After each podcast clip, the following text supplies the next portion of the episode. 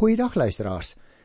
Die van julle wat miskien vandag vir die eerste keer inskakel by ons program Die Bybel vir vandag, uh sal miskien nie weet nie, maar ons is uh, besig om die Bybel deur te werk van Genesis tot Openbaring. Ons doen gewoonlik eers so 'n boek uit die Ou Testament en dan terwyl van die afwisseling een uit die Nuwe Testament. En so het ons nou al in die Ou Testament klaar gemaak met Genesis, Exodus en Levitikus en ons het klaar gemaak in die Nuwe Testament met Matteus en met Markus. En ons gaan nou so na die einde van die boek Lukas. Ek is vandag by die 18de hoofstuk en dit is nog steeds deel van die 5de groot gedeelte van die uh, evangelie, naamlik die reisverhaal. So ek begin dadelik by Hoofstuk 18 by die eerste vers. Die opskrif daarvan is die gelykenis van die weduwee en die regter. Jesus het vir hulle gelykenis vertel om duidelik te maak dat 'n mens altyd moet aanhou bid sonder om moedeloos te word. Hy het gesê In 'n sekere stad was daar 'n regter wat geen eerbied vir God of agting vir 'n mens gehad het nie. En in dieselfde stad het 'n weduwee gewoon wat hom herhaaldelik kom vra het: "Doen aan my reg in my saak teen die teenparty." 'n Tyd lank wou hy nie, maar later het hy vir homself gesê: "Vir God het ek wel geen eerbied nie en aan 'n mens steur ek my nie. Maar aangesien hierdie weduwee so aanhou om my lastig te val, sal ek haar in haar regsaak help. Anders kom klap sy my op die ou end ook nog."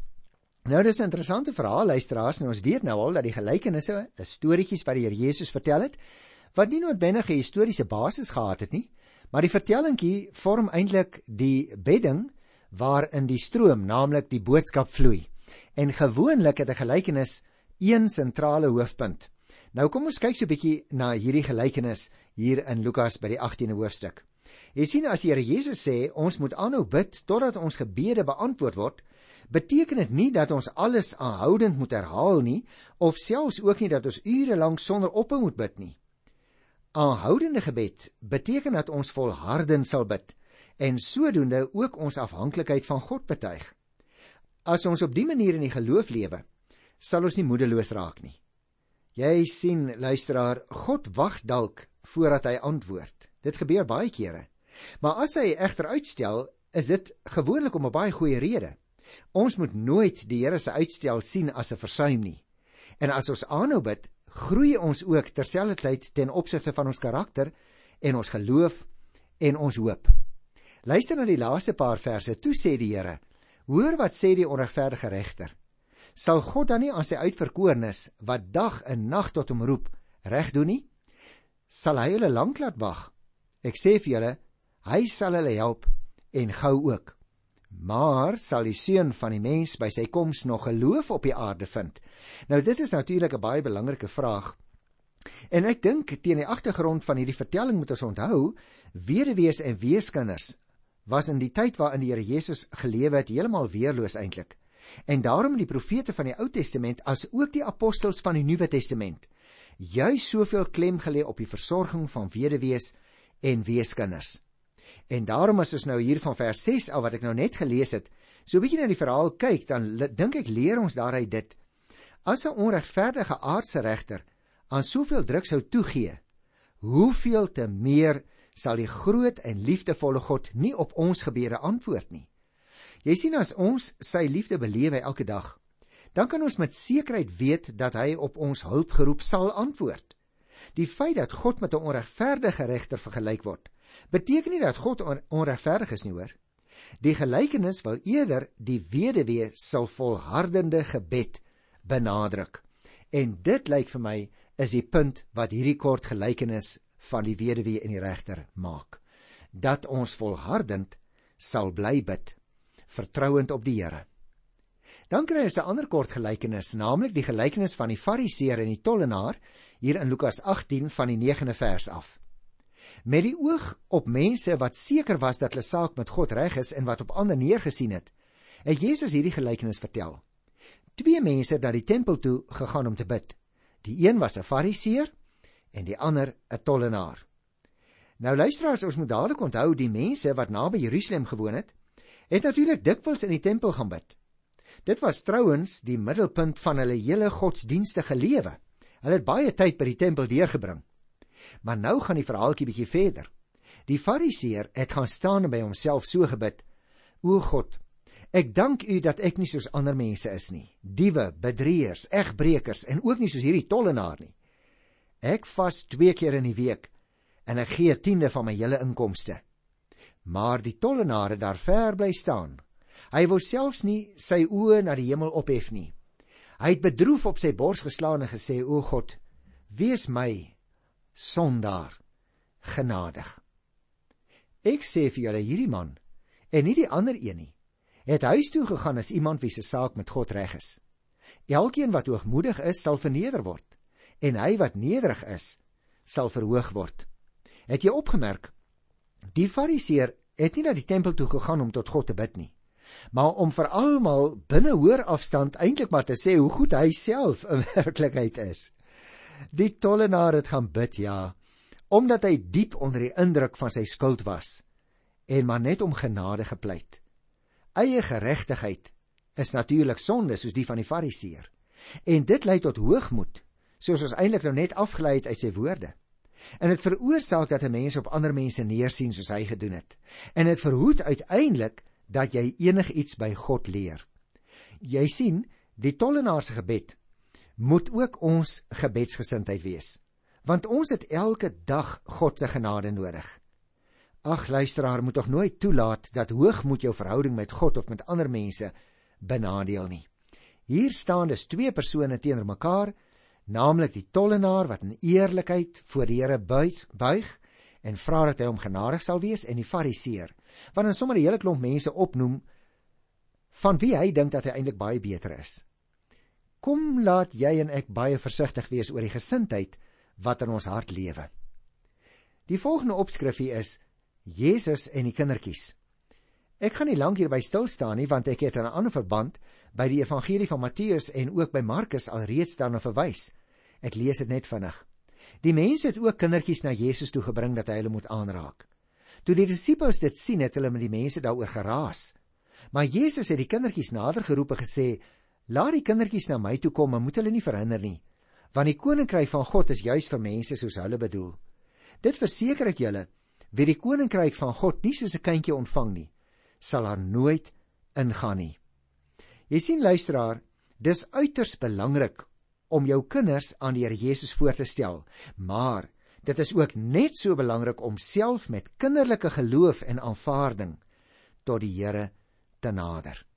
Wat is jou gebedsgesindheid? Kom jy voor die Here soos 'n kindjie in alle opregtheid of kom jy soms in groot belangrikheid self voor die Here.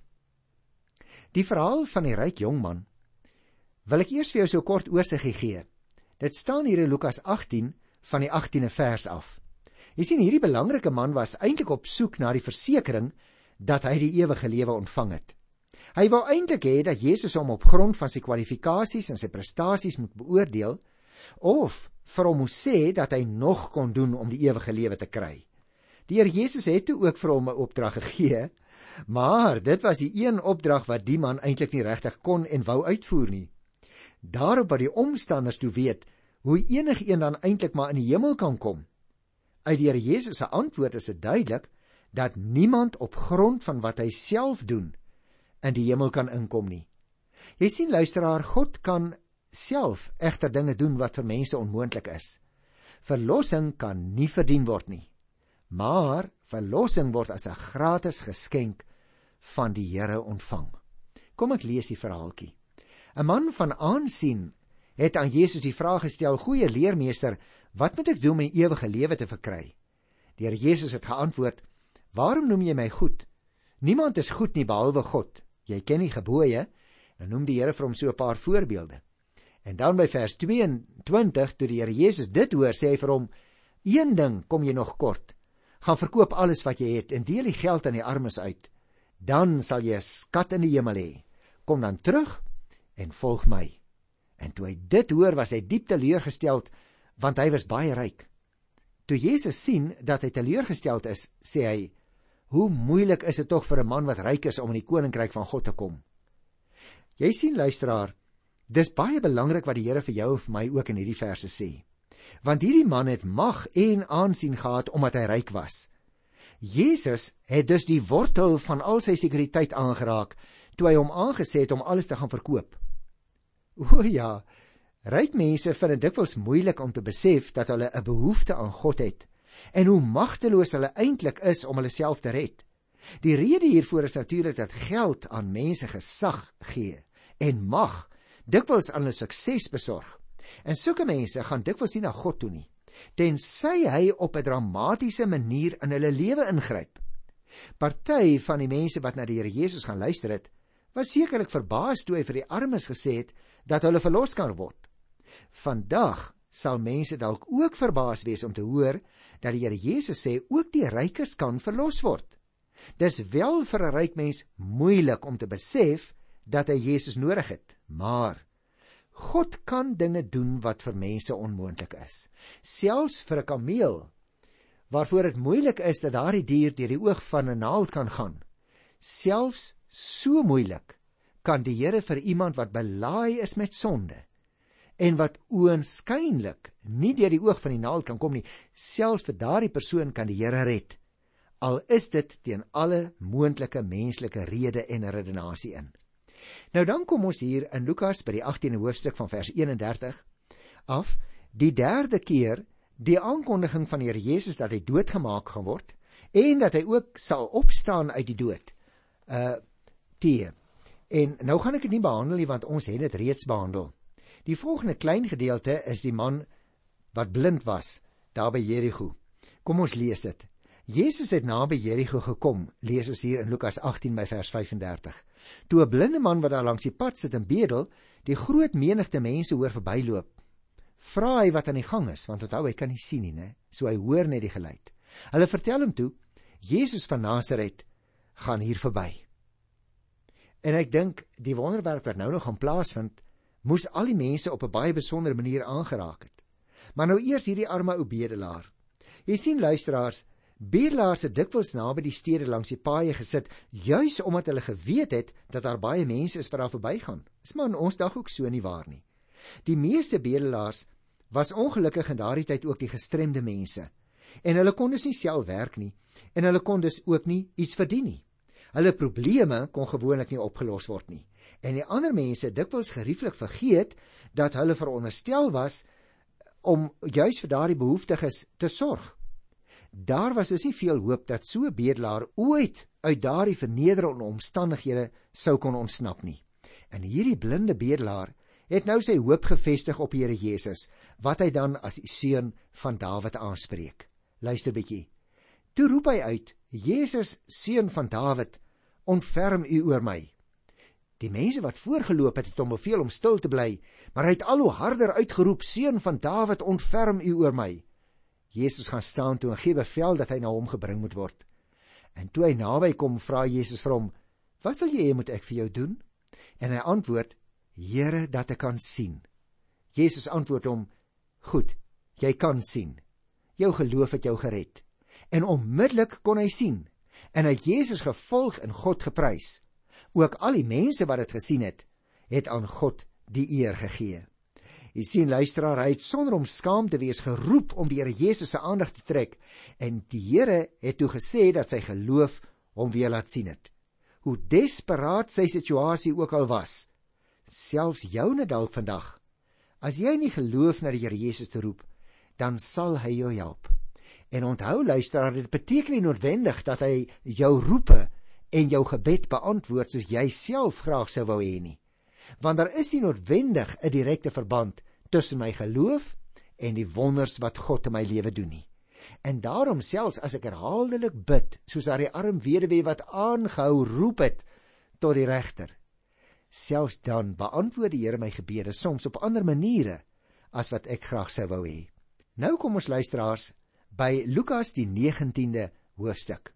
En die opskrif daarvan is Jesus en Saggeus. En ek gaan daarby so klein bietjie langer stil staan want jy moet onthou, hierdie vertelling kom nie in die ander evangelies voor nie, so ons het dit nog nie van tevore met mekaar bespreek nie. Kom ek lees dit vir jou. Jesus het in Jerigo gekom en hy was op pad deur die stad. Daar was 'n man met die naam Saggeus, die hooftollenaar, 'n ryk man. Hy het geprobeer om die Here Jesus te sien, maar wees nie skare kon hy nie omdat hy te kort was. Nou kom ons kyk eers 'n bietjie na die uh, breër vertelling van hierdie verhaal. Want ons moet onthou die Romeinse owerheid het al die volke in hulle ryk swaar belas om in die finansiële behoeftes van hulle uitgebreide Romeinse ryk te voorsien. Die Jode was natuurlik gekant teen die belasting, juis omdat dit 'n wêreldse regering was, een wat afgode aanbid het en wat hulle moes help in stand hou. Hulle was egter verplig om te betaal. Die tollenaars of die belastinggaders was ook Jode soms wat verkies het om op 'n kommissiebasis vir die Romeinse owerhede te werk en hulle is dus deur hulle eie volk as verraaiers verwerp. Dit was ook algemeen bekend natuurlik dat die tollenaars te veel belasting gehef het en dan het hulle ryk geword uit al die geld wat hulle oorgehad het nadat die owerheid se deel oorbetaal was. Dit is dus geen wonder nie dat die skare baie ontevrede was toe Jesus na die huis van Saggeus 'n tollenaar gegaan het. Want Saggeus was 'n bedrieger soos baie van die ander tollenaars. Maar die Here Jesus het hom nogtans liefgehad en hy het hom uiteindelik bekeer. Jy moet onthou in elke gemeenskap is daar ook mense wat deur die res van die gemeenskap vermy word, juis soms vanweë hulle politieke oortuigings of hulle onsedelike gedrag of selfs hulle algemene lewenswyse wat die klomp bure nie aanstaan nie. Ons moet natuurlik nie groepdruk toepas en hierdie mense probeer vermy nie. Die Here Jesus het hulle ook lief en hulle moet ook sy goeie nuus hoor en dit ook in ons manier van omgang met hulle beleef en ervaar. Nou lees ons van hierdie man. Hy hardloop toe vooruit en klim in 'n willevye boom om Jesus te kan sien want Jesus sou daar verbygaan. Toe Jesus by die plek kom, kyk hy op en sê vir hom: "Saggeus, kom gou af, want ek wil vandag in jou huis tuis gaan." Hy het toe afgeklim en Jesus met blydskap ontvang. Het jy opgemerk daar in die eerste paar verse, vers 1 tot 6, dat die Here Jesus op pad was Jerusalem toe. En nou hier by hierdie palmstad, soos Jerigo soms genoem word, want onthou, Jerigo het 12 fonteine en tot vandag kan die wonderlikste en heerlikste vrugte daar in Jerigo by die stalletjies gekoop word. Nou daar by Jerigo vind die Here Jesus nou vir Saggeus, die ryk en die Bybel noem hom 'n ryk hooftollenaar wat hom graag wou sien. Saggeus het egter van sy kant af ongelukkige baie kort mannetjie gewees. En hy kon so staan daar weens die skare nie vir Jesus in die oog kry nie. Hy hardloop toe vooruit en klim in 'n wille vyeboom langs die roete wat die Here Jesus sou volg. Kan jy die prentjie in jou gedagtes teken? Jesus het natuurlik van Saggeus geweet. Want toe hy by die boom kom, het hy opgekyk en Saggeus op sy naam aangespreek. Saggeus kom af, want ek wil vandag in jou huis tuis gaan sê die Here Jesus. En sy gees maak dadelik so. Ek dink hy kon uit sy vel spring van vreugde want hy wou so graag die Here Jesus sien. En nou gaan hy hom nogal persoonlik ontmoet om die waarheid te sê. Hy gaan tyd hê om met hom persoonlik te gesels in sy eie huis. O, die eer wat die Here Jesus hom aandoen is groot. En hy ontvang hom staan daar met groot blydskap. Nou luister na vers 7 8. Almal wat dit gesien het, het beswaar gemaak en gesê: "Hy gaan by 'n sondige man tuis." Maar Saggeus het opgestaan en vir die Here gesê: "Here, ek gaan die helfte van my goed vir die armes gee. En waar ek iets van iemand afgepers het, gee ek dit vierdubbel terug." 'n Mens kan verstaan dat die skare mor omdat Jesus so 'n sondige man as die persoon gekies het by wie hy wou tuis gaan. Maar Saggeus, het jy opgemerk, hy doen in sy hart afstand van wat waarskynlik die grootste waarde in sy lewe was, naamlik sy besittings. En as bewys daarvan is hy nou bereid om die helfte van sy goed vir die armes af te staan en om vier dubbel te vergoed aan enige iemand wat hy enige iets afgepers het. Dit was natuurlik nog meer as wat die wet uh, vereis het in Levitikus 6, daar as 'n mens lees van die tweede vers af. Maar nou het jy opgemerk, te oordeel aan die skare se reaksie, was Aggeus geen uitsondering op die reël van Fariseërs nie. Sy ontmoeting met die Here Jesus het hom nou egter laat besef dat hy sy lewe moet verander. Hy wat so nare en oneerlik is, sondaar was as tollenaar. Aan hom word nou genade bewys en oombliklik begin sy gewete hom aankla. Seker onder leiding van die Heilige Gees nie waar nie. En daarom wou hy met rente teruggee wat hy gesteel het en daardeur bewys dat hy nie net uiterlik verander het nie, maar ook innerlik deur restituisie te doen vir onreg wat hy in die verlede gepleeg het. Dit is nie goed om die Here Jesus net in jou hart te volg nie, hoor. Jy moet hom ook met jou hele lewe bewys dat jy aan hom gehoorsaam is. En daarom is vers 9 en 10 vir my baie interessant. Daarop sê Jesus: "Vandag het daar redding vir hierdie huis gekom. Ook hierdie man is 'n kind van Abraham. Die seun van die mens het immers gekom, luister nou mooi, het immers gekom om te soek en te red wat verlore is." Is dit nie wonderlike woorde in die luisteraars? Die Here Jesus neem Saggeus se verklaring en sy voorneme as 'n egte daad van bekering. En daarom staan daar het daar redding vir sy huis gekom. O, as hooftollenaar is hy aanvanklik deur die Jode verag. Die Here Jesus erken hom egter as 'n kind van Abraham, want hy het die beloftes wat aan Abraham gegee is, nou deelagtig geword. In Saggeus het die seun van die mens gevind dat hy kom soek het om te red. En nou het hy hierdie man gevind vir wie hy dan red van sy sonde. Die Here Jesus kan dit natuurlik vandag vir jou ook doen.